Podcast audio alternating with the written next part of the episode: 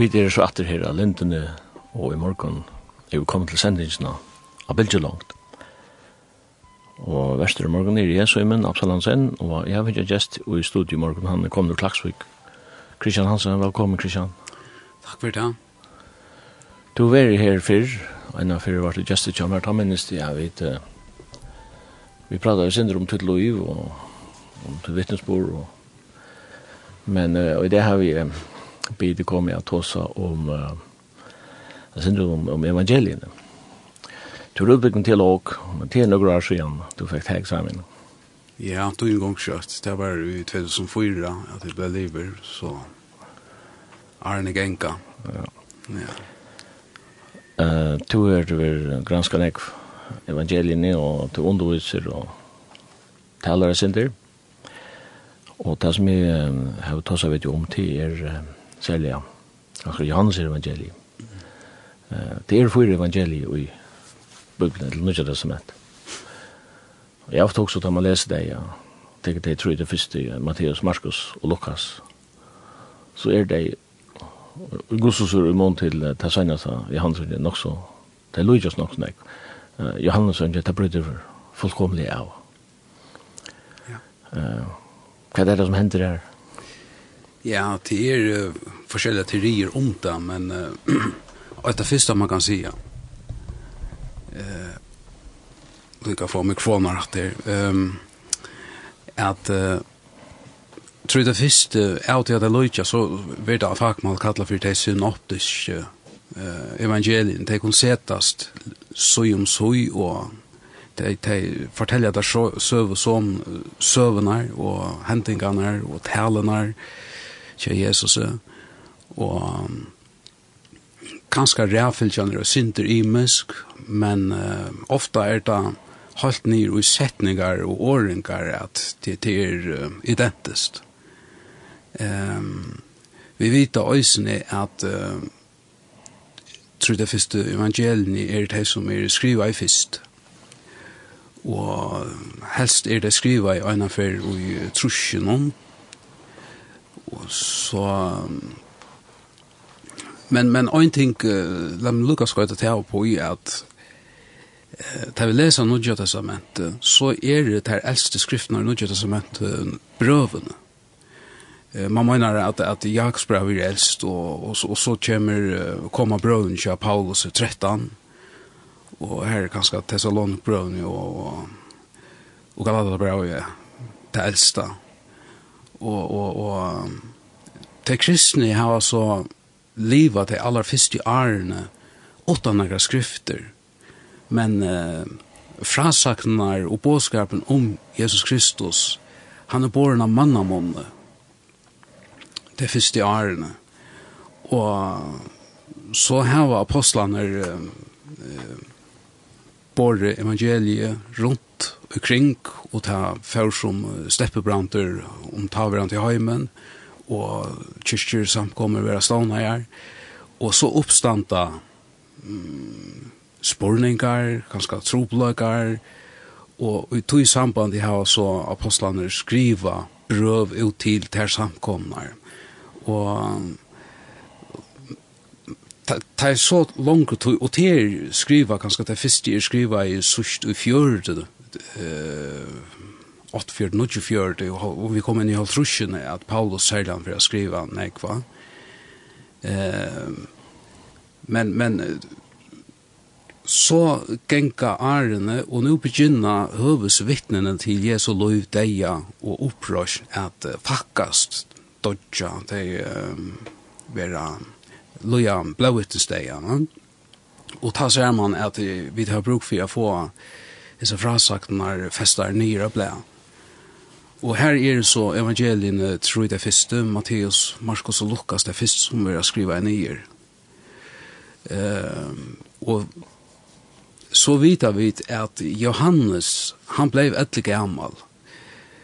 Og han skriver så event sucht evangelie nok i forsen om mitteln ar fors fem og fors mener man. Og til å si, han har jo kunnet se henne evangeliene, som man kan ta her av 20-25 år av bætje. Og, og her mener man at han, man kan, man kan huske seg til at han har se henne og huske, eh, la meg nå skriva ut fra en øron vinkli enn hva tar jeg av alt, og framheva sannlager om Kristus som tar ikke hava finner fram. Nu sitter han skriva så lenge var at han har. Men det er ikke visst han skriva brød fra minnet. Det kan være han skriva brød nyr. Man har jo gos inntrykk av at de første kristne, de hadde små uh, sitater fra Jesus og små frasøkner om lov Jesus her, altså som, som, som vittner hadde skriva og som uh, cirkulerer rundt den. Ja, absolutt.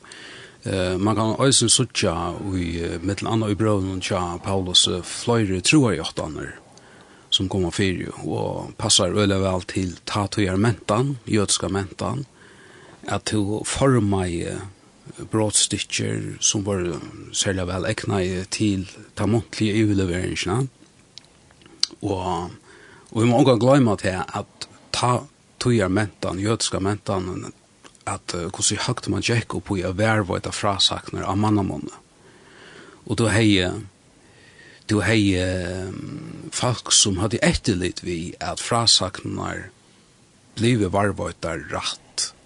Og etter at du ble lært fra bandsbån i av oss i at um, det som hei vi uh, ens egna identitet, familjena og så videre, at du varva etter rett Så det var lærere det det kom til dette, og disse lærerne trykker jeg så øsne at feiler ikke snøkte seg inn.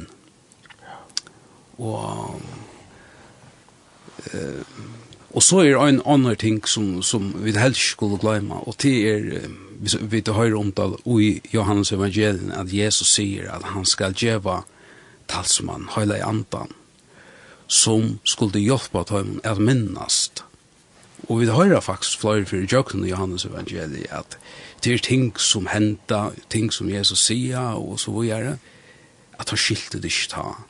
Men det her var risen oppatter som ikke står og skilte eh, tøtningen og i hva var fær fram. Så um, tannparsten, tannsyna, det det kjem til at, uh, at minna så at ivelevera varvøyta fra saknar, det er en viktig pastor av husene. Ja, det er nekvar frasaknar som du leser om i Matteus, Markus og Lukas, som alle hava vi, og som Johannes slett nevner, og omvendt. Og omvendt, ja. Men uh, Løyingarsøvan, hon er, hon er rymlig vel beskriva tja ætlum fyra, så mykje grunnleggjande, så mykje sentrala Ja hvis du tenker Matteus, så blir det ofte betraktet som det Jeg vet ikke om jeg sier det royale evangeliet, eller annet. Det er fremsett Jesus som kong. Nettopp. Og tog så er det nek om at dette hendte for at det skal gjenge ut som skriver vær. Det gjør det som sier, ok, malbalken hever primært for jødar.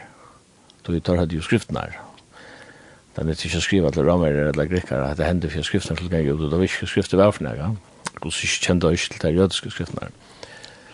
Men, men så Jesus er, er kongeren i Matteus, og, og i Markus er han uh, mer tæneren.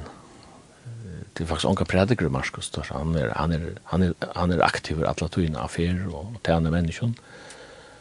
Og Lukas uh, beskriver han som det fullkomne mennesker. Mm. Uh, hva er Johannes og inn i myndene? hva er det for Jesus mynd som han røyner at heva tega fram? Det er, her vil jeg si, her flere ting, altså, Dorten, er en av ting, en ting som jeg bare kommer tanker om til å nevne at her, atler hinar frasaknar Mattias Marskos Lukas heva, altså hendingsna vi Jesus ombrødsta fjallen og og i tog hendingene slipper dårten hei nær sagt, i fotlar kraft at skynda fram. Og, og han, han forbjød dem å fortelle noen om hese hendingene, uh, ikke for en, uh, han er uh, risen opp, kunne slippe at uh, sier fra til. Johannes er ivraskant ikke hese størhendingene vi, men... Uh, Kjalt om han var via fjallet Ja, han var via fjallet Og her mener man at da du leser Johannes evangeliet, så røyner han at løse alt liv Jesus er, som en oppenbering av Guds stort. Men, og, i hans her før, så er det en dort som de som ikke trykker, de sutja det ikke. Det er bare lærersveinene og de som trykker verlig av Jesus, som sutja seg dortene. Og det er nok så avhåverst alltid, ja. Ja, han sier i kapitel 8, vers 14, at året var holdt og tog bygg middelokkere, fotler av nøye sannløkka, og vi så og dort hans herre. Ja. Kan du også se den, at han her refererer til det som han opplevde i fjallet om? Eh, vel, vel hoksant. Vel hoksant. Ja, og, da man kommer til um, brøvene og i, det er nok Peter, han nevner syper øysen til hendingen her, her ombrøst av fjallet Så det er absolutt um, uh, en, en, en, en møvløg til ham. Nok så opplagt. Um, men, men uh, allikevel så er det her at uh, heter at han løser hetta stora ondre at god hin allmåttige god til og endalige bløyver ein avmarskar skapninger. Jeg, jeg har flere når jeg nevnt uh, en analysing som Philip Jansi hever i Bøtjen, jeg sier om uh, den Jesus jeg ikke kjente. Og, og, og han, han sier ut i Bøtjen at uh, vi, vi bliva nok ikke nå sjokkera i taut høyra han var sannløkene at god ble menneska. Mm tog hatur ein så eh utrolig samløyke at at det er sjokk. Og han, han nevnte, han, han brukar så en mynd som da han var sjolver uh, unge dronker, han hei et uh, akvarium og akvariumfiskar, og det var et slæ som uh, det var fiskar som levde i saltvattnet. Det er øyne innvikla at halda balanser og ta kemiska og oppa plås. Så han tar krav til øyne nekka toja for han er ui at det er og pleie et akvarium. Og hver for han selv har brukt sånn nekka toj saman vi som fisken så visste seg hver for han kom til Esa fiskarna så flutja ut var alla vägar som om han var ett monster som skulle tøyna ut var. Og så, så huxar han henne tankarna, hva skal til fyrir at hette ikke skal hente, at jeg kommer og tar skilja, at jeg vil dem bare det beste. Og så kommer jeg så tanke til han, at eh, ta man nok ta til at jeg blir sjølver en fisker. Og så sier han at det er at hatta er, er en sjokkerande tanke, men hatt er ikke umon til at god skaparen, hin og endalige, veler sjolver å bliva parster av sin egna skapana verskje. Og så brukar han disse myndene til å svære til at listamalaren blir av penselstråk av sin egna lørete. At sjøn, uh, han som skriver sjønløgjen blir av en person i sin egna sjønløgje og så gjør. Um, en uh, dansker uh, godfrøynker Søren Kirskår sier faktisk at hasen samløgjen er det største paradoxet som er til. At det uendelige blir endalet. Uh, altså han, han blir avmarskaver. Ja? At hin udeilige blir deilige. At det uh, ta Jesus døyra krossen, ta døyr god. At det er sannløkar som Johannes penslar ut og i hessen evangelien og og og og i halde tas tas særliga så som kjem fram tai han snakkar om dult og jøknun det er evangeliet Johannes.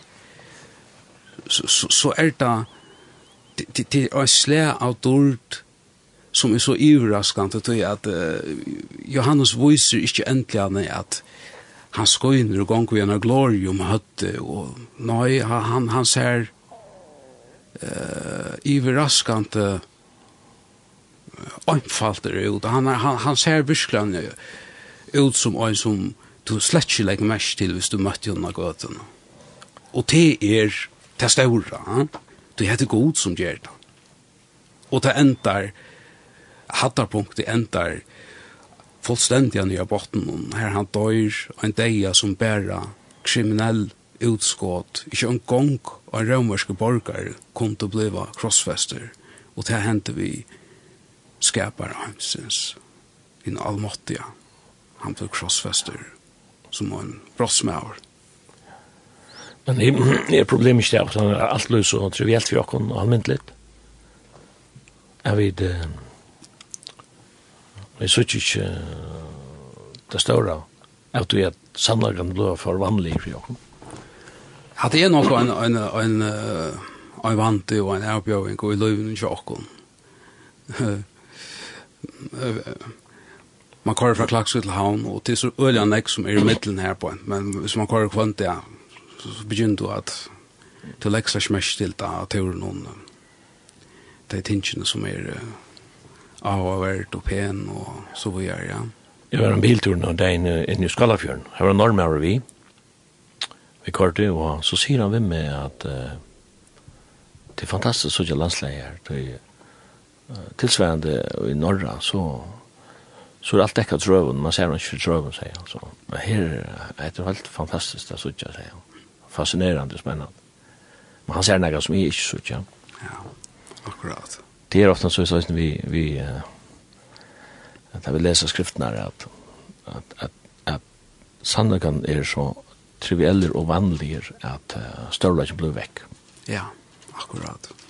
Men det börjar i hans evangeliet vi de som åren som skriften börjar att alltså första Mosebok och i upphav. Ja. ja. Och så börjar han nästan här. Det är så han tar sig som Jesu föring eller battendom som, som Matteus och Lukas gör. Där har vi inte några Her var ikke jævla evangeliet som så på Pamela, men han fratter til og i opphavet. Akkurat. Det er en, en, en øyelig stor tanke. Akkurat, ja. Som du sier, at hinner evangelistene tar, tar byrja vi Jesu Føyeng, Marskos byrja faktisk vi, vi uh, Johannes Døyparen, og alle hinner forteller oss om Johannes Døyparen. Uh, og, og Lukas og Matteus här så följer sövnar och, och attartalnar. Men Johannes veler affæra atter om det. Och han fer atter, inte bare atter til skapen, men han får arren skapan och börjar lösa hända han veldig personer som tar av gynsjumittlen, sitter samman vi, äter samman vi, att lösa han arren skapen. Och här säger han några år om enda Jesus frelsar heimsins at uh, han byrjar vi åren og i opphavet hver år og året vær tjagote og året vær god uh, og her sier årene og i opphavet som du sier er det det som i årene som vi har var i skapande sjøen i første møsbok 8 og hatt det nok ikke tilvelt Johannes vil hava eh, tankan ja lesaren om atter her til. Hvor er det sånne personer som eh,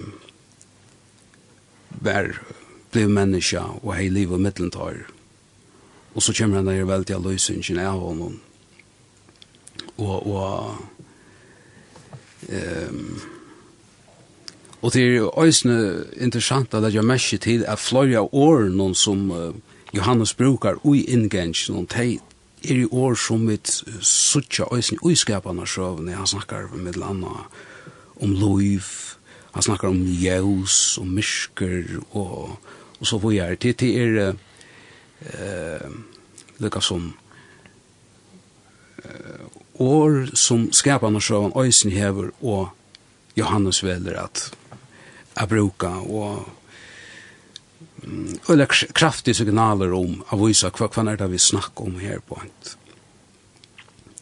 Og um, samstundes som han kastar i ingengen og i, i evangelien jasar neck år fram her som sagt fløya åren om peika aftur skapan og søvn opprona men samstundes så pojka det òsne fløyre av årene fram en ui evangeliet, til lukka som en smakprøve av hva er det som er for å snakke om inn i evangeliet.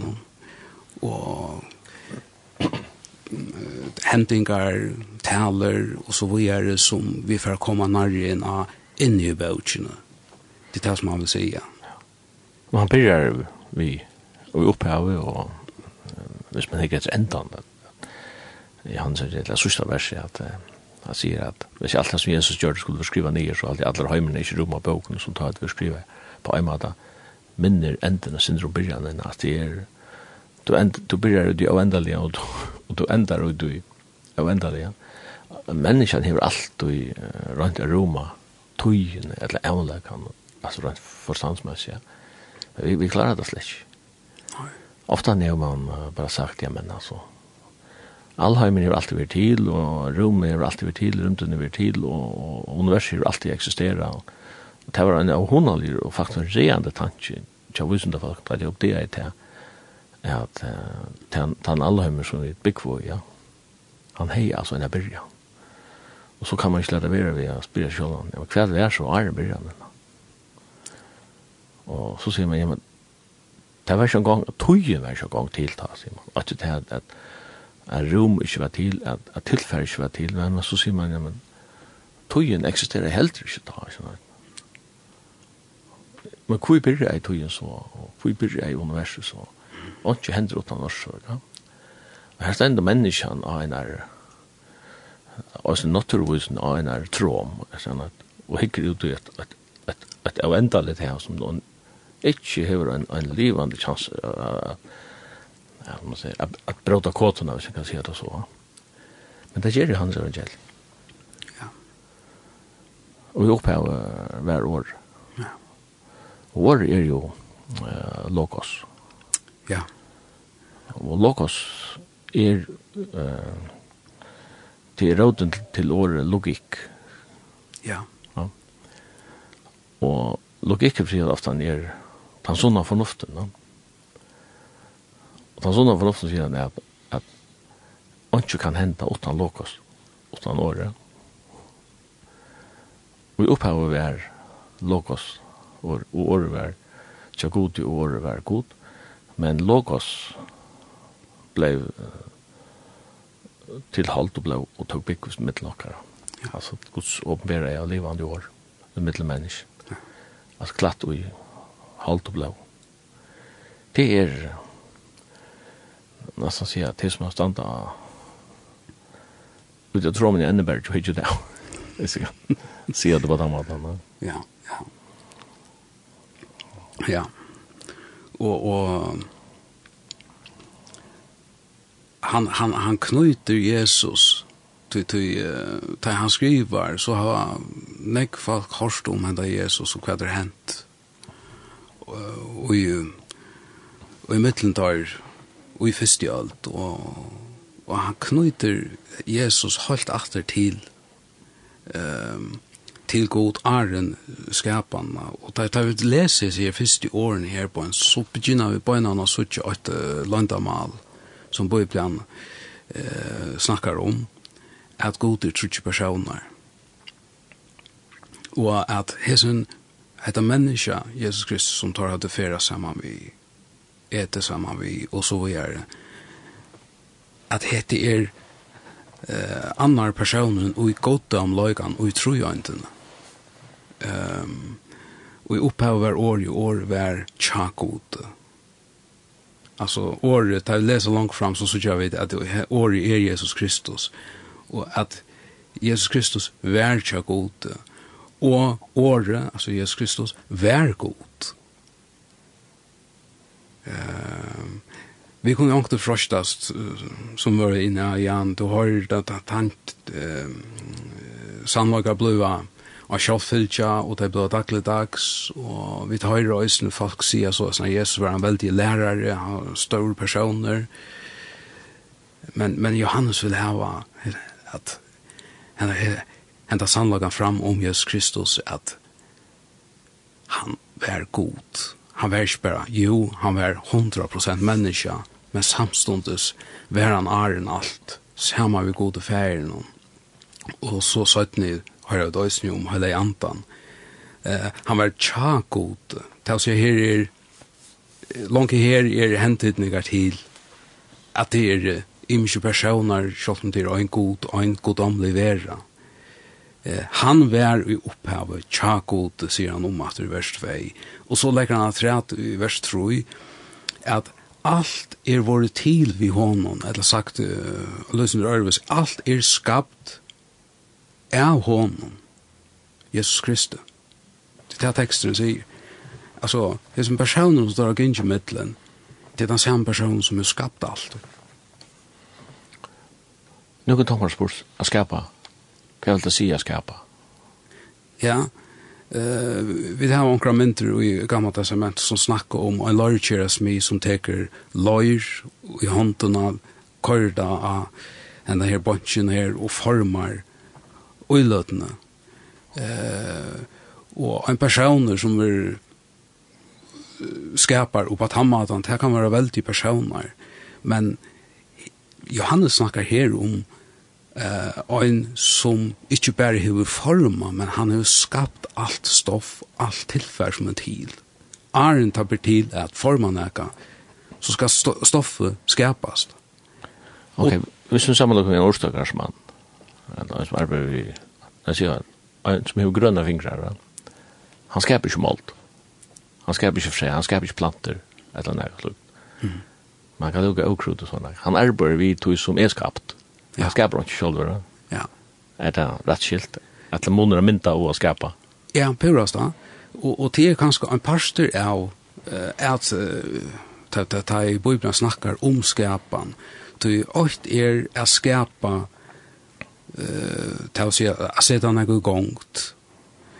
Eh och og det här bibeln snackar om att han skapar ur onkon uh, her ikke tilfær er skaper han tilfær, og så vi tilfær noen, gjør han all ting, galakser, stjøtnebreiter, og han gjør cellenar og i øtlen løyve, og DNA, og så videre, og så videre. Um, men, men samståndet snackar skriften om at hvis er god sett jeg etter gongt og, og vender ryggen til alt, så skrampla alt saman atter. Det er at han var en framhaldende skapan och en uh, uh, værvøytan av til skapta skal til. Og til det som uh, man snakkar om en framhaldande skapan og i vi er i att vi. det røyst til å om Kolossebraun at uh, han er framåt han ötlun. Allt er skapt vi honom. Og så, og så heter det at og i honom er det alltid standande. Altså det er en uh, kontinuerliga uppehilde. Ja, akkurat. Vi året hans här. Va? Ja. Okej, okay, vill ta se det samma som vi han tar året att du det. Hva er stäcka? Så skramlar universet sammen. samman. da. Og Och å si att uh, nästa andadrotte vi täcka, ta ligger i hans hånd och isna. Allt är i hans hånd. Og han heldur öllun uppe vi året måttar sunns, det vil si at uh, tog han til året etter så kollapsa i tan allheim vi livet. Ja. Men så tar sig demonerna skapa och aminta. Ja. Eh, vi leser läsa søvnene, første Första Mosebok var her stender det god skapte människa. Första Mosebok 2 her stender det god mynta i människa. Ur måltene. Altså målt er är ju material som du är. Men för att du kan mynta ur molten så man molten först være skapat. Ja, akkurat.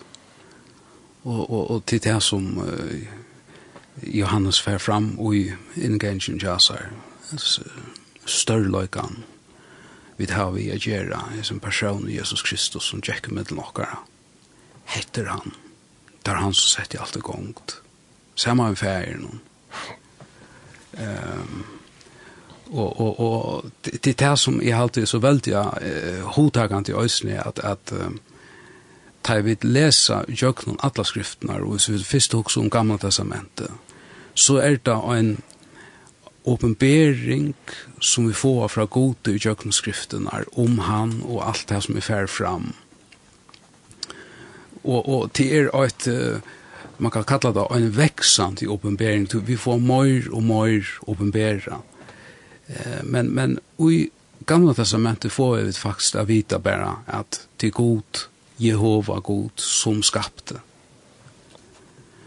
Men nu kommer vi inn i evangeliene, og med den andre Johannes, han sier uh, morna grønlige, ja, det var god som skapte, men det var en av oss personer i goddomløkene, nemlig Jesus Kristus, som skapte. Det er alltid vår til vi hånden. Ja. Ja. Og det er hatt det i det som, uh, vi, ja, vi minnes til i jøkken evangelien hvordan øver eh, farseeren er ta og Jesus eh, hei nær sagt blir forbrakler og, og snackar som om at han er god, han fyrtjøver og så videre, og det kunne god bæra. Og, og, og dette er nettopp en så kraftig understrykning nettopp av at eh, rollen som öll visste bära god i hova heje. Det visste man ut från gamla testament. Hon vill tillskriva Jesus Kristi här på ett i nya testament.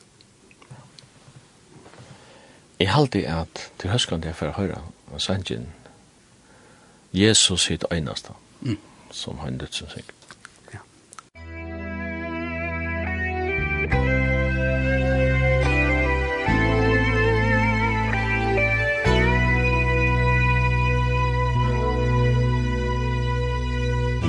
Jesus hit einast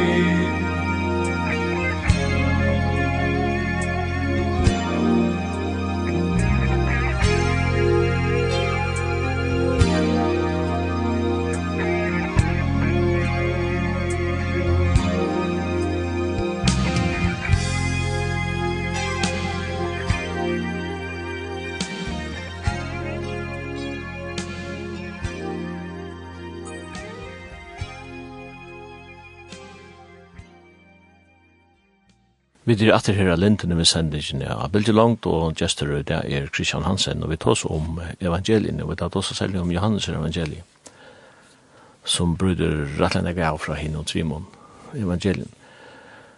Christian, uh, og i um, Johannes evangeliet leser vi om det første åndre som Jesus gjør det. Det åndre er ikke omtale av nøkken av henne evangelien, selv om vi leser om en rikve av åndren i Matteus, Markus og Lukas så er, er um, Johannes evangeliet forteller om hva det er første under. Og det er helt, helt særlig under som han gjør i en brydleby og i Kana. Han gjør det vatten til vågen. Ja. Hva var enda maler vi tog? Ja, det er det det er nok, nok så interessant uttrykk som vi knytt er tog hendingen, at han, han, han sier at uh, han kallar omtrene i jøknon evangeliet ja sær for tetjen. Og, og i til samband som sier han at dette var det første techen. Og, og så blir sagt det her at uh, i jøknon tetjen åpenberer han sin adult. Og, og her er det anker som har lagt mest til til at, at uh, hinner evangelistene tar hava allir, nevnt i Jan, at tar hava allir ombrøytingene av fjallen, og han så hever ikkje henne. Men, men, uh, og ta i dørten skoiner, altså tar hoks om en æra suje av dørtene, ta, vi tar løysa Jesus ombrøyta seg fjallen, men Johannes hoks om durt, og fer en æra suje fram, som, eh kanske inte är i, i, i samma mata i pomp och prakt och, och, och tog vi vi tar stadigvæk at han at han har gjort teaching og gjort alt uh, Johannes evangeli at det er folk som ivas det det de vil ikke strikva og det enda atla at drepa Jesus for at han var rost Lazarus opp fra deion og så um, Men men det tror inte vi om att ända mala vi tecken och te för att visa människan kvar Jesus verkligen är. Och och och jag någon ontrunne eller som Jesus eh, Johannes kallar det tecken så att att visa störlekan att visa skaparna skyarna att att det är talan om skaparen av himmel himmel och jord Du kvar kan gjøre vatten om til vågen. Du det skulle naturlige prosesser til for at framleie voin. Men dette kan han gjøre ved en fingerknipse. Hvor er Jesus som gjør en gengante av av alten hon og sier tiver stilt. Hvor er Jesus som høtter etter vinden hon og byr han tia.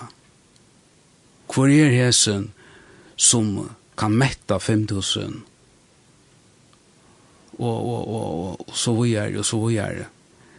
det er alt for å vise understryka hette som han sagt i byrjan i Asun evangeliet at vi har vi personen Jesus Kristus som samståndes er god og han kjenner annar. Og et brittlepp til er, det viser oss at en sosiala suje av, av frelsaren. Han er vår menneske, og han lever i middel mennesker, og så er han bøyne i Brytleip. Ja. Onker hever gitt at det kanskje er uh, Bartolomeus, eller han, Johannes er jo kallet Nathanael, som mulig ble gift, giftet han deg, men at sånne, at sånne gittningar man, man kan hava, og det er ikke stendig så kan det, som kan sier, så kan det for så vidt være lukka mye. Ja, ja och och och til ungen är ju om att att hata hata det sikkert sånn ekvar tilsipingar etla etla undertøvnar ui her som du hva forbind man vi et brittlopp til glede og og hva det er da Johannes skriver oppenberingen så snakkar han om brittlopp lamsens ja? broren og brukken som han mynt oppa um, maur og kona giftast och så det stora bröllopet ja, som ena ska vara som vet han enda leisa glädjen som vi ena skulle uppleva men vi där långt finns ju en försmak på att det här vi känner Jesus Kristus. Men här har Jesus så veri jo i, han fer at til Jerusalem av Paskøkten er, og Johannes 2. Men det er et annet som jeg også det Det det det her, geografiska eller så också att att det eh landalära kan säga att att land är gosse två stora eh landsparter i Israel till Galilea som där norr och Judea som ligger här söder. Ja. Och Judea det var ju man kan säga att han mentanalea och den religiösa kraftcentrum i Jerusalem och templet och allt det som är här medan her når vi vattnet, kall det vattnet, det var mer, jeg vet ikke hva jeg sier, det er mer primitiv og avmenta av som bor, så løs så Jerusalem ikke var russer på kall det, det var ikke, det var ikke funner som, det var ikke som bor i Jerusalem, ja hvis man leser evangelien, så tykkes det som at ja, Matteus, Markus og Lukas, det visste tror jeg, her fer en rettelig større parster av de hending som fyrir fram. Da fyrir fram her nord i landet og i Galilea. Og Johannes evangelien er forholdsvis løyte som fyrir fram i Galilea, men med mest fyrir fram her sori og i Judea og i, og i det religiøse kraftsentrum. Men her alluga, i Kana, her gjør han vatten til vinn, og han gjør det under nummer, eller tekn nummer 2, òsne i Galilea. Tals han så, han så egentlig veri i Judea i middelen Jesus og Jerusalem, utan det gjør et øyneste tegn. Mm. Ja. Det er også nok merkesverst at han, at han gosser sier, jeg byrja vi hever virka utan at just et øyneste tegn. Mm. Ja. Men det merker ikke at han ikke, at han ikke fører virka og i tegnen under i Judea, det gjør det han og sånt. Ja. Men, men det er at at Judea fyller så nekv i Johannes evangeliet og i måte henne evangeliet. Er det nekka som du har også? Mm. Nei, det er faktisk ikke ordentlig annet. Det, det, det, det burde jeg ha sagt på en av veien, at Johannes evangeliet er kanskje et av de evangeliene som er kom senast til at uh, at granska og forjobba meg og, og jeg har nekv, nekv etter å lære av det og tog at hine er uh, Lujas og Nek, men uh, Johannes Evangeliet bryter ølja Nek fra. Man anfaller ofta han uh, falskje som hver skal begynne å lese på upen, les Johannes Evangeliet. Og, men det er kanskje et evangeliet som jeg har haft ølja Nek vi via skilja endertøker og støyleren er og helt annar. Så men det er et, et kjempe, kjempe største man kan bruka alt løyve til at, at granska. Jeg har lyst en enskan teolog som skriver en bok om Johans evangeliet. Han sier sannleggene er så einfalt i Johans Evangelia, så alt battene kan skilja det. Mm. Men så sier han, men samtidig så omtaler Johannes tar det djupaste, djupaste teologiske sannleggene som er så djupere at du får aldri botten ut i. Ja. uh, Hva skal man si, rent fornuftsmessig, sier han. Han betraktet Johannes det som en nesten som en paradoks. Det var, det var bare, det var bare djupt, men samtidig så enfalt. Og, ja. og i samsund, og i øynene. Ja. Ja, ja, nemlig. Men så vände i Hannesund, tredje kapitel, nu, nu nämner jag Brittle Bekana, det är omtale här, och till ångra här sen omtale hinne evangelien, och färre till tredje kapitel så har vi ta kända samrövna vi Nicodemus, som inte bara var en, en, en uh, farsier, men han var enda en rahar, ja, så han var, han var rettelig høver uttikt, og han, han kom til Jesus han åt, han frasøkner heller ikke omtale hinne evangelien, må man være andan aller kjendaste frasagn som finnes i öll evangelien. Ja. Og innehelder det kjendaste verset som finnes i alle bibelen. Ja. Uh, og, og, og jævsen av inngensjonen som er særlig enn jeg har fordjubet meg i nu i sørsten, så, så helt det var øyelig interessant å legge merke til akkurat uh, hendingen av samtalene vi uh, umiddelin Jesus og Nicodemus og i inngensjonen, så sier ja, Hannes med landet hans i her årene her på en at uh, så mange som tog med honom gav han måtta vera på en gods noe trykk trykva navn hans her og så legger han til at teir født ikke av blå heldre ikke av holdt vilja heldre ikke av manns vilja men av god Og hata sier han, og i inngengen, han heter vers 13, inngengen er det første Ajan versen. Han byrjar inngengen vid avirin, ja, vi har fortelja at Jesus er han som har skapt alt. Og her sier han at de som takker møter, det er takker møter Jesus, det er skapt noe nytt i tøymen. Her er en skapan per fram. Det er ikke menneska som kan ende få nærkran, men det er god til. Og ta ut, så kommer til samtalen vi eh, Nicodemus og, Jesus, så får jeg en utdyping nettopp av hessens sannløkene her på at, at, at, at at Jesus sier vi, Nicodemus, du må være føtter av nødgjøn, du må være føtter åman fra, for jeg kunne få lot og i frelsene. Så sier han vi han, hei, Nicodemus tås her om, ja, hvordan kan man være føtter av man var gammalt, kan man ære for for inn i lov med årsyn og være føtter av.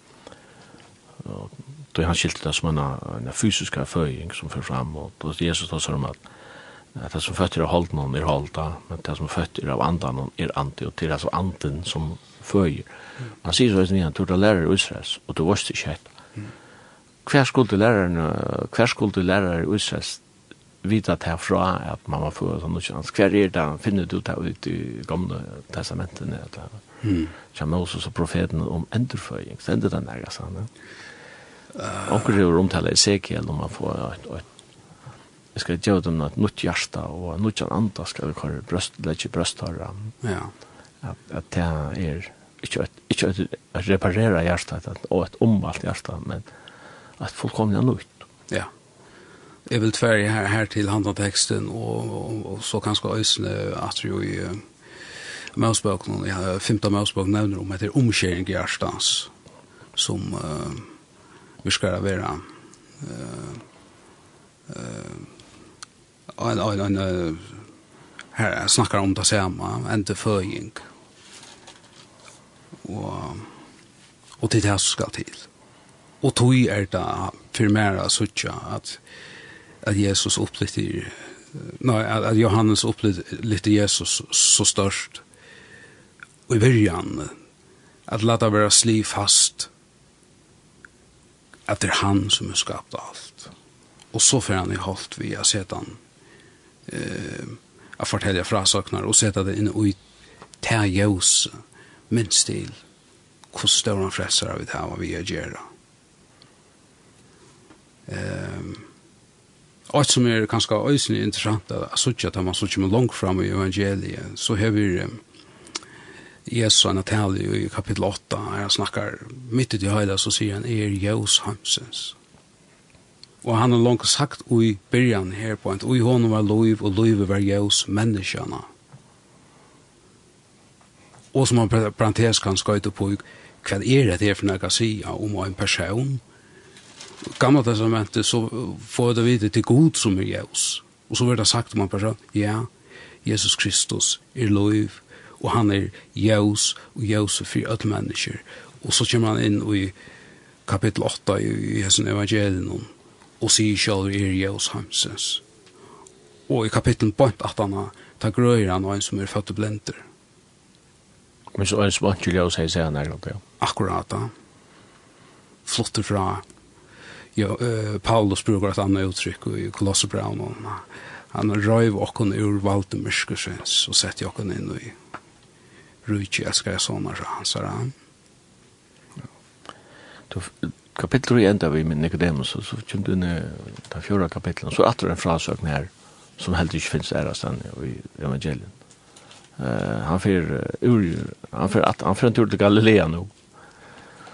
og han fyr jøkken om Samaria, og med en parsen kapittel handlar om det som hender i Samaria. Da han så kommer endelig til Galilea, så er det noen favers, så han atter, så han steg atter til Jerusalem. Altså Galilea fyller øyla, uh, lyd i Johannes evangelien. Mm. Nå knappt er det samme der som er i fokus, det pura, pura avhørst uh, hinne evangelien, at, at han fylla så, kan fylla så nek som det gjør i Johannes evangelien. Ja. Bortsett fra Lukas kanskje, som tar seg syndrom samverd. Ja.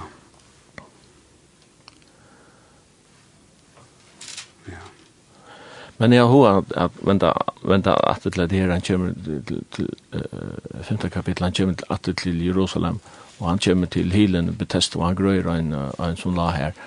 Øysen en hending som også er sånn er nevnt i, i Øtlån evangelien. Altså til kapittel 3 og 4 og 5, så sier du. Kapittel 3 er det den religiøse Nicodemus, Raheren. Og kapittel 4 er det henne kvinnan som levde i et sin kjæle lov henne gos og først og i Samaria. Og Og kapitel 5 så er han som er livet, nek nekv, nekv er sjuker ved en hel, sånn.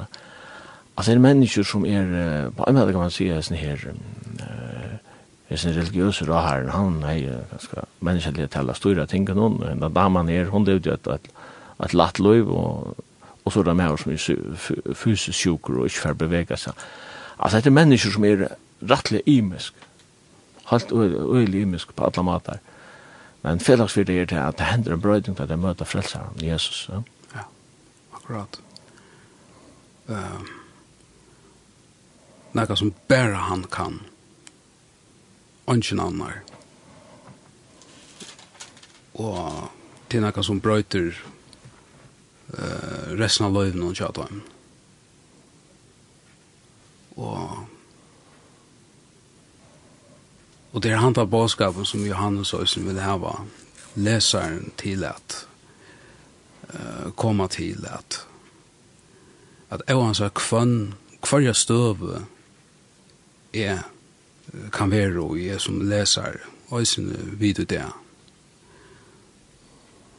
så kan uh, Jesus uh, løysa tropløygan som er jo igjen og først og fremst synda trop løykan, jeg var flottet fra, fra, fra myskre, og inn i hans her loiv, fra deia til loiv, og, og han viste atter og atter vi dømon, og vi menneskjon som han møter, og som vi det har vært inn i at Johannes fiskar som han, han, han har sett hva hinner evangelistene her var, skriva om, og så teker han ånder dømer og viser åndstrykker dette.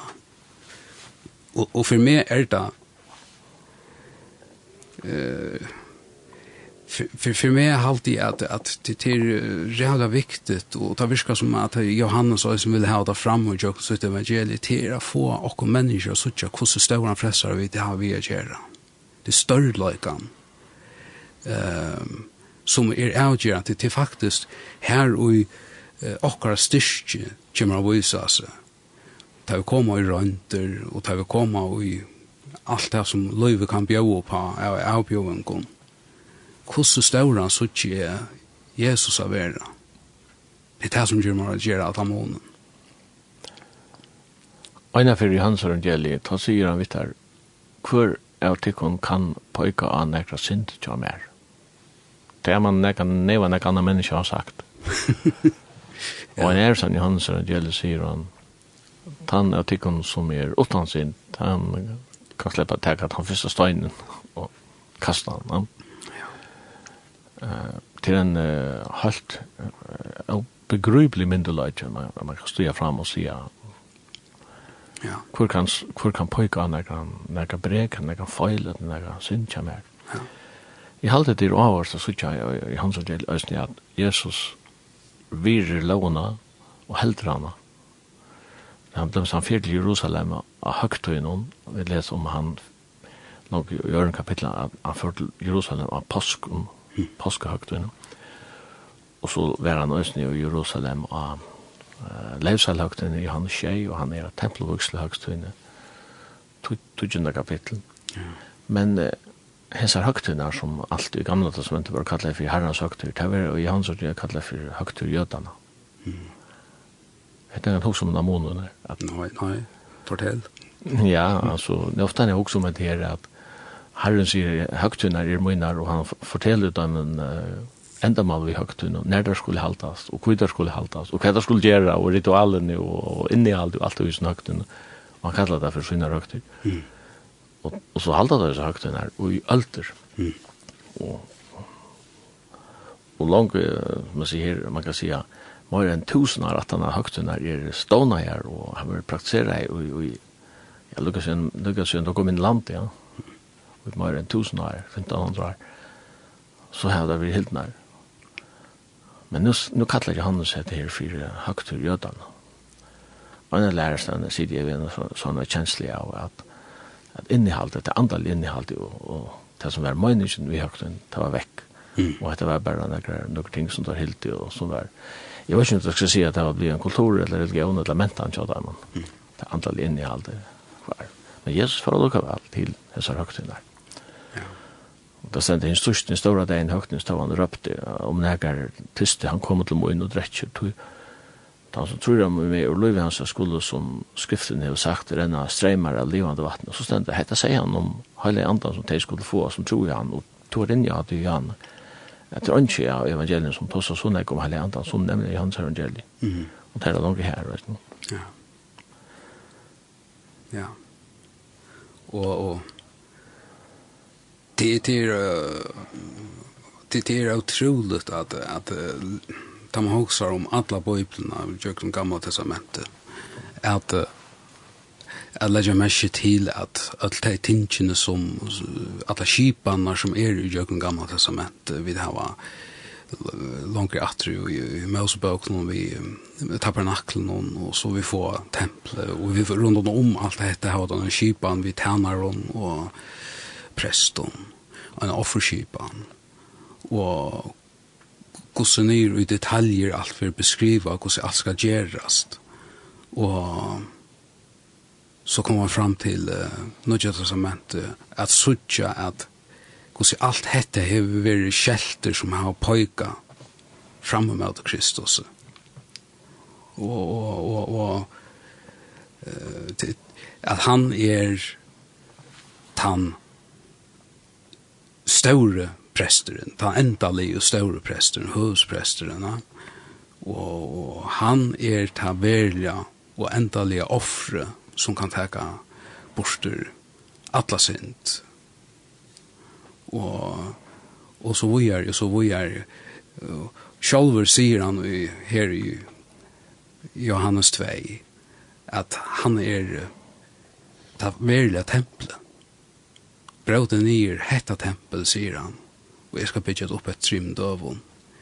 Så, så Bjørn Åren er, er i samme tempelet her. Tempelet, ta visst i øyne hver gjøte at møte plosset her menneska og god kunde møtas, av øynast av plosset til være i hesson bygningen som var i Jerusalem. Og fyrir at kunna uh, hetta møte kunde færa rakt fram og sko sko fyrir gjørlet så hei god en av ørgrunni av detaljen om hvordan det skulle fære fram vi i muskon tvotton og offron og preston og tar skulle gjøre så og sover og i så og så. Og så trakker Jesus fram og sier, jeg er i et sanna tempelet. Det er jo i mer at her etter ta verliga møteplasse mellom god og mennesker, at mennesker kan möta gode. Det er jo krossen yes. Så då han sier, bråte nir etter tempel. Ja. Og til det sypar til deian og opprørsjene. Ja. Det er alltid vi for at høyre sangen, burdens are lifted at Calvary. Mm.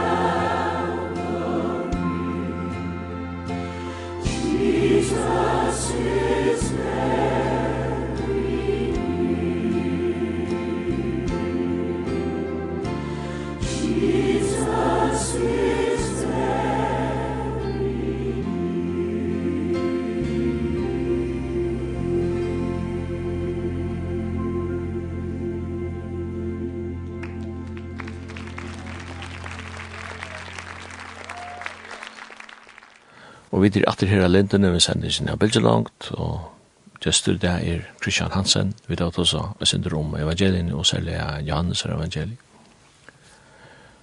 Christian er en spurninger, samband vi evangeliet, Johannes er evangeliet.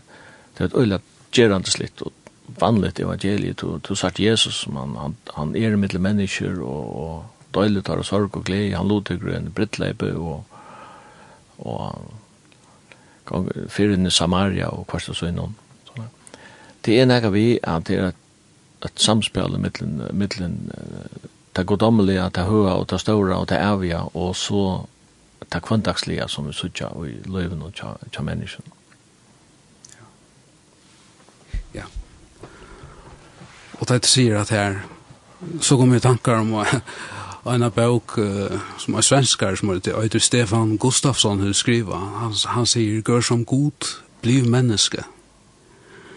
Og um, hadde kanskje en, en suja av kristendom som vi kanskje har lent til at kanskje gløyma, eller og, som, som Johannes fær så vel fram at uh, kristendommen er praktisk. Og det har vi atlar öll lø ui okkara løyvi a gjerra ui okkara dagli degi.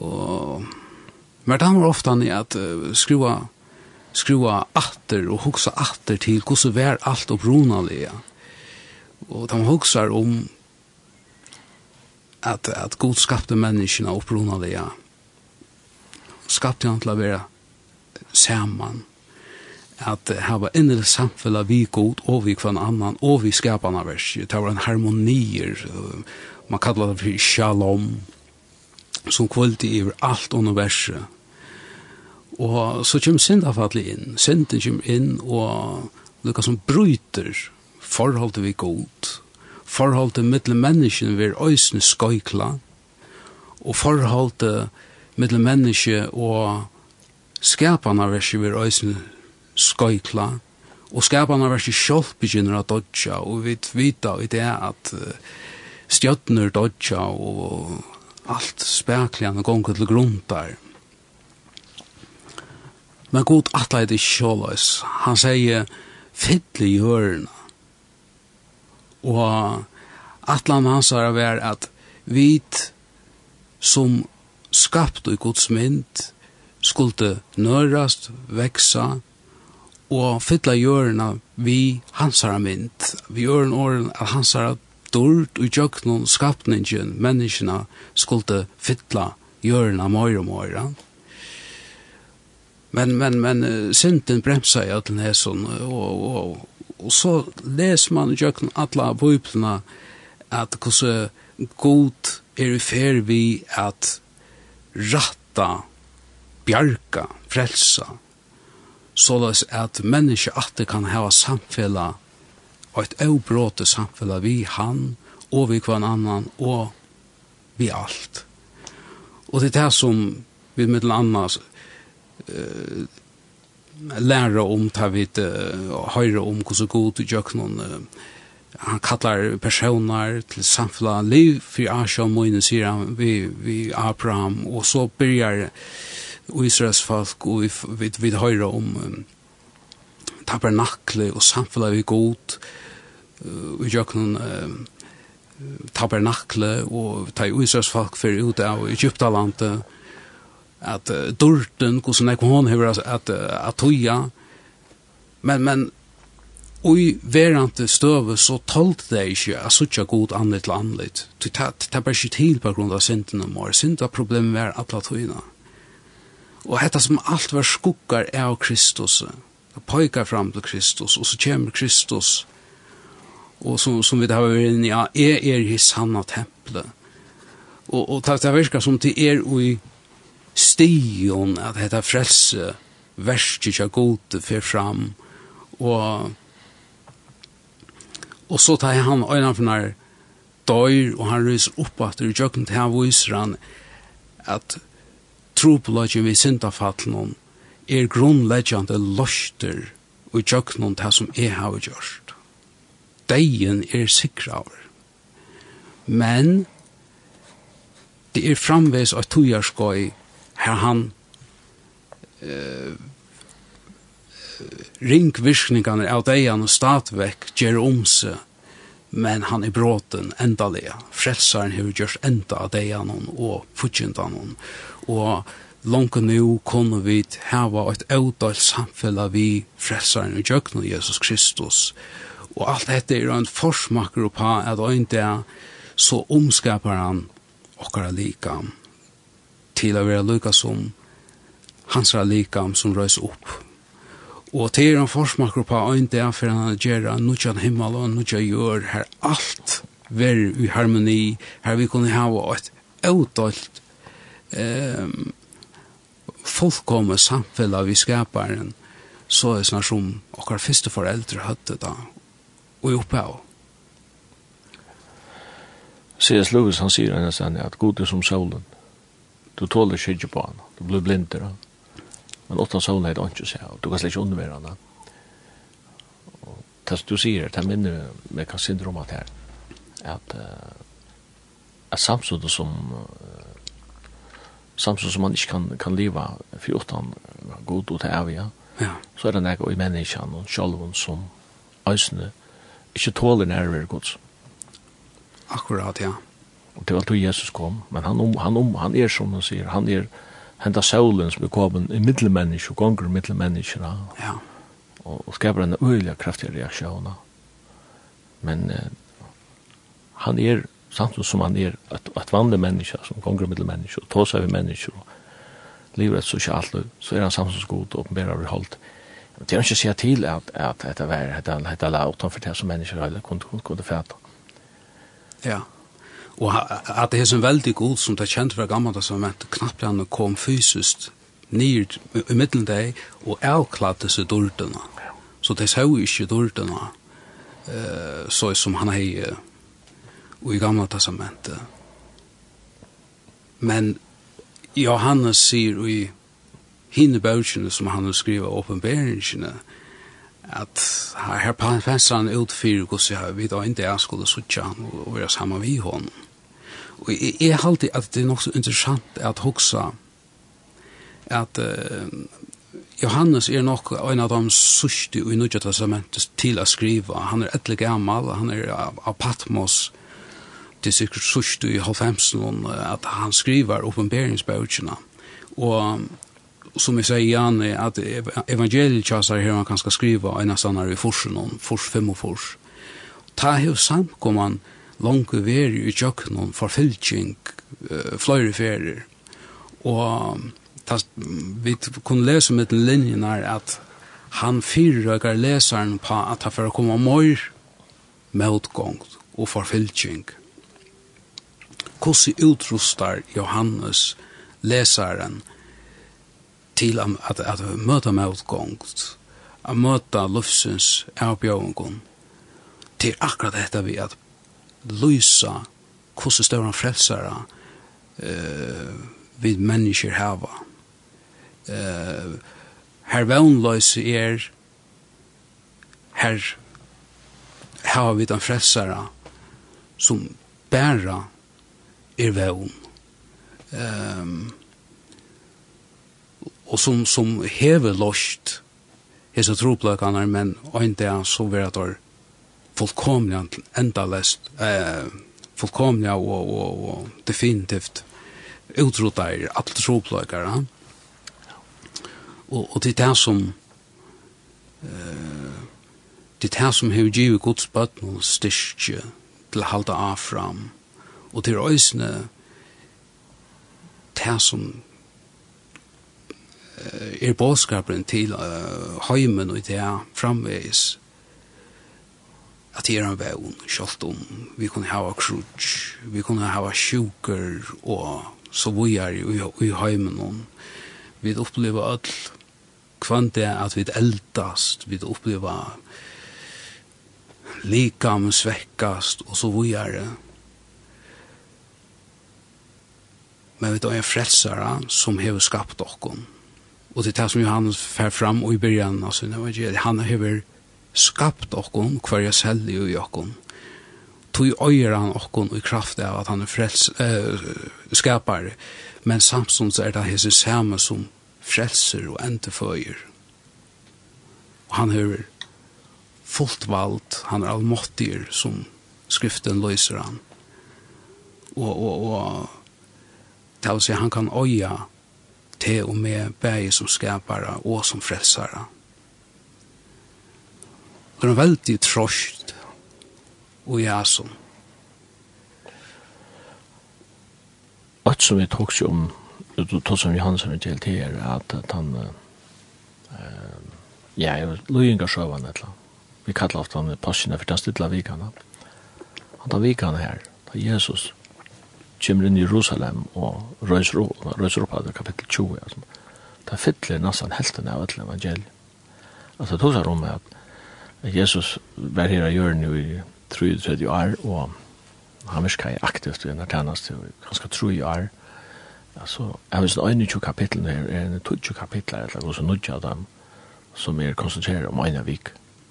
Det sier meg så mye at det virker meg være nok så viktig, ikke? Ja, og, og onker, onker har sagt det at, at hvordan plasserer vi evangeliene, vi så ut om stol eller sjankre, hva en balk høyrer uh, evangelien til, altså, er det av oss over bi bi biografier, så det er løysle av bi biografi som bare beskriver at de personer, trutst og och og men men det det det som undersøker så kraftigt hvor så viktigt Jesu deg og opprøsene er.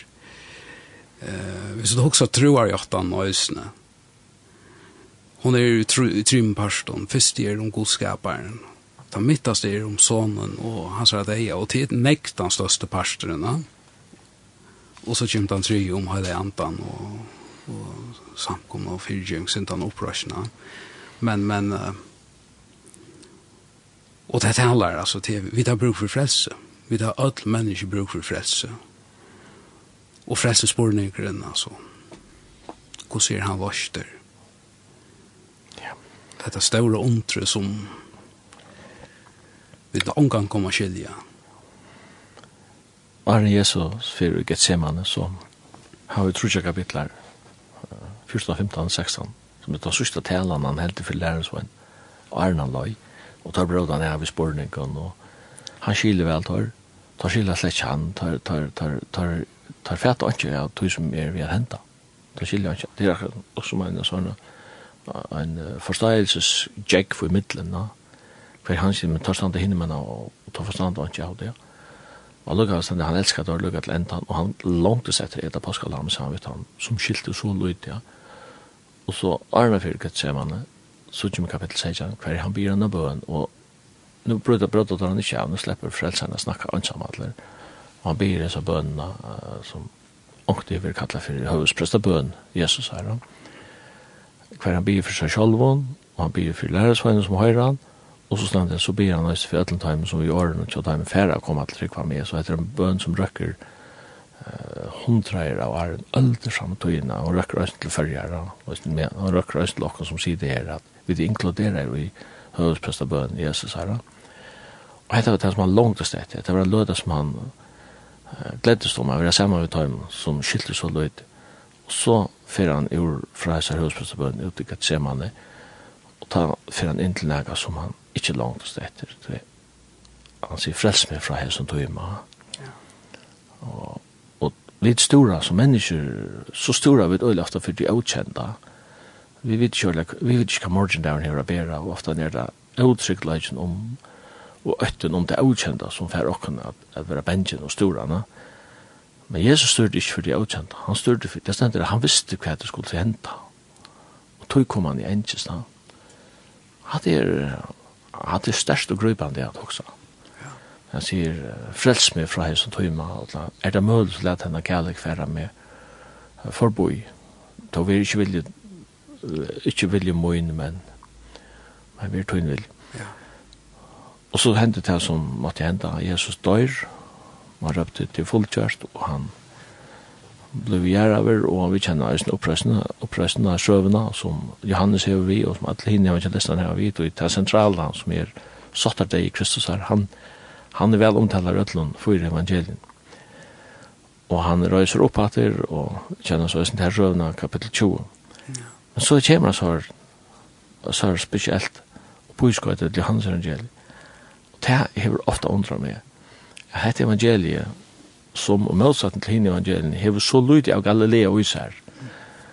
Det er rettelig lydig av som fyrir fram i Galilea.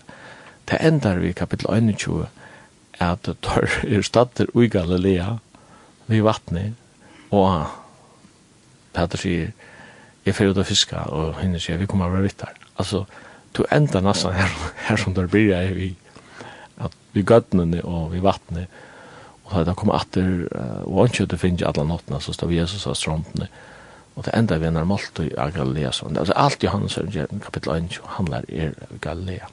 Det er så atypisk alle vi ikke noen om måltid er hin. Men jeg synes jeg at atter og et og et vanlig menneske som uh, sitter her og eter brei og fisk av strontene sammen med lærersvennene. Og han kommer ikke misjonsbo her, men han kommer en hyra på, altså elsker, eller føler jeg over hyra til seg mån. Det er det som han kommer. Og det kan undre at det er evangeliet som er kanskje det mest evangeliske av ødlene, ikke hever den misjonsbo. Det har vært lindro, ja. Så at det her er sånn det kan atypisk.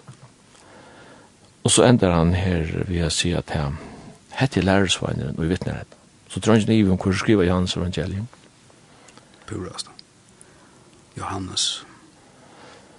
Det var løsning vel stedfest av, av man sier, fedren og man sier, at. Johannes skriver Johannes her evangelium. Ja. Ja, ja. Det er faen som meld meg der. Men hette, hette lærersveineren vittnar om hette og hev skriver hette, og vi vet at vittnesbord hans her er sanner. Så kommer aller sørste vers i evangelium, til Johannes men eisen i mengt anna som Jesus hefur gjørst. Skulle det her skriva kvart fyrir seg haldige at allar heimeren hei ikkje roma bókna. Vi tar høyde vi skriva her. Hatt er end. Det byrjar oppe og det endar ut vi og altså det byrjar vi til avskiljande og det endar eisen vi til avskiljande. Ja. Og i kapittel 20 han var det jottan, og tja Thomas i eisen en sånn jottan tilbya. Så han var den sørste av suttje henne opprysene. For ikke at føle han makla mersene og suttje han, så kan jeg ikke trykke. Og så stendte Jesus her på hent, og han sier herre moin og god moin. Og, og, og jeg trykker vi at hvis man skal si at han Og en mat jeg sier til på at det som Johannes vil ha fram, det alltid er en tid på byen og i åkken. At hvordan stor Jesus Kristus er, han er skapar i hans, han er frelsar i hans, han har alt i sin hånd. Og som du nevner her i endan her på enda, at skulle vi skulle han skriva om alt det som han har gjort, så det er ikke, heimen er ikke rom at at få han den här tillstånden eller land eh en tid benar anta i för Kristus och i Jakob. Och att det här sen han tar tid på som som är att att um, ett känna några lov och vara liv i några lov. Og det er hæsen til till benar att sucha han og i omtran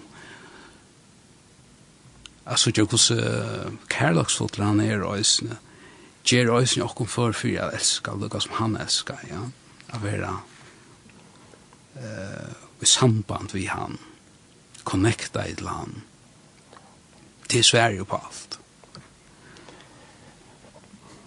Kristian, jeg får si deg takk for at du ville komme vi og nere der. Takk for at du kommer vi. Tøyen renner så, vi får her til søgnast at høyre sannsyn Guds nøye med ber.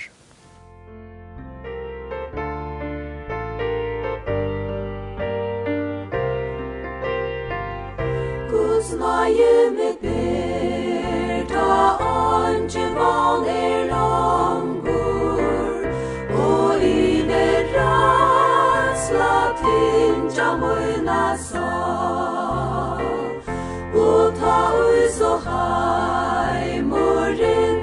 del forgång